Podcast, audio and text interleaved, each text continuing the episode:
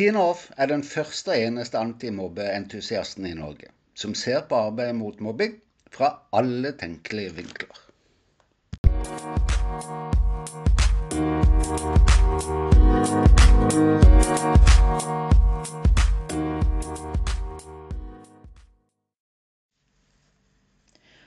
Et sjakkbrett. To spillere. Begge har forberedt seg godt og er klare, men de har to forskjellige strategier. Den ene har forberedt hele sjakkpartiet og spiller det uansett hva motspilleren gjør. Den andre har kun forberedt ulike åpninger og justerer seg så etter motspillerens valg og spillets utvikling. Hva tenker vi om akkurat disse to strategiene og effekten av hver av spillerens valg? Nei da, vi skal ikke snakke om sjakk i dag, men knytte det til arbeidet mot mobbing og mobbesaker. Klart vi kan snakke om det! Velkommen til ukens episode. I dag tenkte jeg vi kunne snakke om strategier i arbeidet mot mobbing og mobbesaker. Tre spørsmål sånn helt i starten. Hvilke strategier velges på hvilken måte, og fra hvilke fagområder kommer de? Hva skjer når strategi ikke oppnår forventa effekt? Fins det noen løsninger, eller må det være noe galt med eleven eller foreldre da? Det er jo et hav av strategier å velge mellom i ulike deler av arbeidet og i saksprosessen og ut fra hvilken rolle en har. Kanskje enda viktigere enn selve strategien er innstillinga eller strategiholdninga som vi inntar i møte med mobbesaker. Hva mener jeg med det? Jo, sammenlign det med oppskrifter. Som du godt vet, kan oppskrifter komme fra eget og andre fagfelter, altså være mer eller mindre kjente og eller forståelige. De kan brukes slavisk, delvis eller helhetlig. Uansett, hver gang en oppskrift benyttes, vil det være flere forhold som virker sammen. Og det er jo fordi det ikke er matoppskrifter vi snakker om, men oppskrifter i møter mellom mennesker. Oppskrifter lærere benytter i møte med barn f.eks. vil utspilles i en kommunikasjonssituasjon mellom en voksen og barnet alene eller i elevgrupper eller klasser med opptil 35 elever. Oppskrifter rektor benytter i møtesituasjonen i saksbehandlinga, vil utspilles i kommunikasjonssituasjonen mellom privatpersoner og fagutøvere fra flere andre instanser. Altså fra tre til ja, sånn 14-15 møtedeltakere. Spørsmålene vi kanskje burde stille oss mye oftere enn det vi gjør i dag, det er for eksempel Spørsmål 1. I hvor stor grad velges strategier som er treffende for situasjonen? Det tenker jeg det kunne være et godt spørsmål.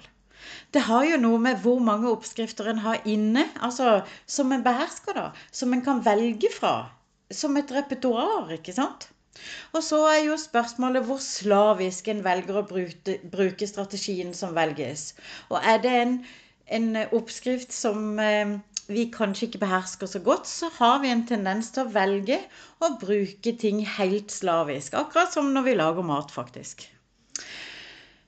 Uansett hvilken informasjon som fremkommer, holder vi oss da til den eh, strategien som vi har valgt helt slavisk. Eller delvis, ut fra hva som skjer i situasjonen. Hva andre måtte si, osv. Her kan en godt tenke at sitat, selvfølgelig ut fra det som skjer. Anførselstegn slutt. Selvfølgelig ut fra det som skjer. Men det er ikke helt sikkert at det stemmer så godt. I hvert fall ikke etter hvert som saker trekker ut i tid. Og hvis en velger en treffende strategi i den grad det er hensiktsmessig for oppgaven som skal løses, for hvem er den strategisk? Er det for skolen eller barnet? For det offentlige eller privatpersonene, foreldrene? Osv. Spørsmål to. Og så tror jeg vi må våge å stille spørsmålet i hvor stor grad beherskes oppskriften? Hvis strategien er lært på kurs og tilhører et annet fagområde, f.eks. helse, da, kan det jo tenkes at skolen ikke behersker strategien så godt. At oppskriften feiltolkes og dermed brukes på måter den ikke er tiltenkt, eller det mangler noen hensyn, eller som jeg sa i stad, at den velges slavisk. For det tredje, kanskje kan en også være seg bevisst egen dagsform. For i vanskelige menneskesituasjoner kan jo det ha en særlig betydning, som i mobbesaker, og særlig jo mer komplisert og langvarig han blir. Disse spørsmålene, da, de stiller en seg jo ikke i selve møtesituasjonen, selvfølgelig. Viser vi barnesamtaler eller i saksbehandlinga. Og det er jo derfor den holdningen som vi har, både du og meg, har i ryggraden til barn, som det gjelder her, eller barn generelt, eller dets foreldre, eller generelle eh, foreldre generelt. Men også til de andre yrkesgruppene involvert alle disse er relevante og reflekterer over i forkant av menneskemøtene, tenker jeg da. Sånn helt ærlig, selvfølgelig. For hvor bevisst er vi holdningen vi kommer inn med i møter, i saker, når ting slettes ikke går på skinner, når vi står på det likevel ikke fungerer, osv. Får det betydning for synet vårt på barnet? Er barn som utsetter andre for mobbing, slemme eller onde? Er barn som utsettes for mobbing, puslinger? Er foreldre bare vanskelige? Og har de andre instansene involvert null niks å tilføre skolen? Er det kun skolen som vet? Klart, dette er satt veldig på spissen, men ser du hvor jeg vil? Om innstillingen vi har til de vi skal møte og hjelpe, ikke er treffende for rollen vi har, jobben vi skal gjøre og oppgaven som skal løses, kan strategien være laget av gull, men det spiller ingen rolle. Strategiholdning og bevissthet om egen strategiholdning er altså kjemperelevant i mobbesaker. Kanskje viktigst viktigst sånn til slutt, er hva vi gjør med distansen mellom vår oppfatning av barnets situasjon og utfordringer, og våre egne voksne oppfatninger.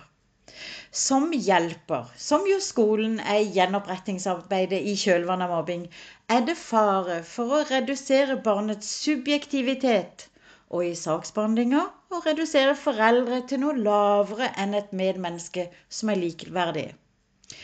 Når det gjelder overfor barnet, da, så kan strategier velges litt som når en tegner et kart før en har sett terrenget. Det er jo ikke så veldig lurt, for da kan en jo fort bomme. Det som har effekt, er jo at barnet møtes av solid kompetente voksne som makter å se, og lytte, for så å hente fram oppskrifter, teorier og strategier på kryss og tvers av hverandre ettersom de synes relevante til det konkrete barnets følelser, tanker og atferd. Akkurat dette barnets subjektivitet. Dessverre så ser jeg altfor ofte at det motsatte skjer. Både barnet og dets foreldre blir objektivert, som det heter, fordi det er ubehagelig å stå i disse sakene over tid. De skaper større avstand mellom skole og hjem enn hva sunt er. Og det tingliggjør både barnet og dets foreldre til noe inhumant, altså ikke-menneskelig. Kanskje blir vi alle til tider litt for opphengt i strategier, i diagnoser, i teorier som må følges til punkt og prikke. Men etter i dag så håper jeg at også du er enig i at vi heller kan ha godt av å se dem som kjennetegn i stedet. Og jo bedre vi behersker disse kjennetegnene, desto enklere er det å velge hva barnet eller dets foreldre trenger. Og så justere etter hva som virker positivt for barnet i mobbesaken. Du vet sjakkspillerne som jeg snakka om innledningsvis? Den ene som flytter i tråd med sin forhåndsbestemte strategi, uansett hvordan den andre flytter. Og den andre som har en åpningsplan, men avventer å justere seg etter sin motspillers valg og spillets utvikling. Ikke sant? Det er så åpenbart hva som er lurt i sjakkspillet. Kanskje kan det samme være tilfellet i mobbesaker. Vel, jeg kaster ut en rekke spørsmål i dag, og du, du reflekterer. God uke!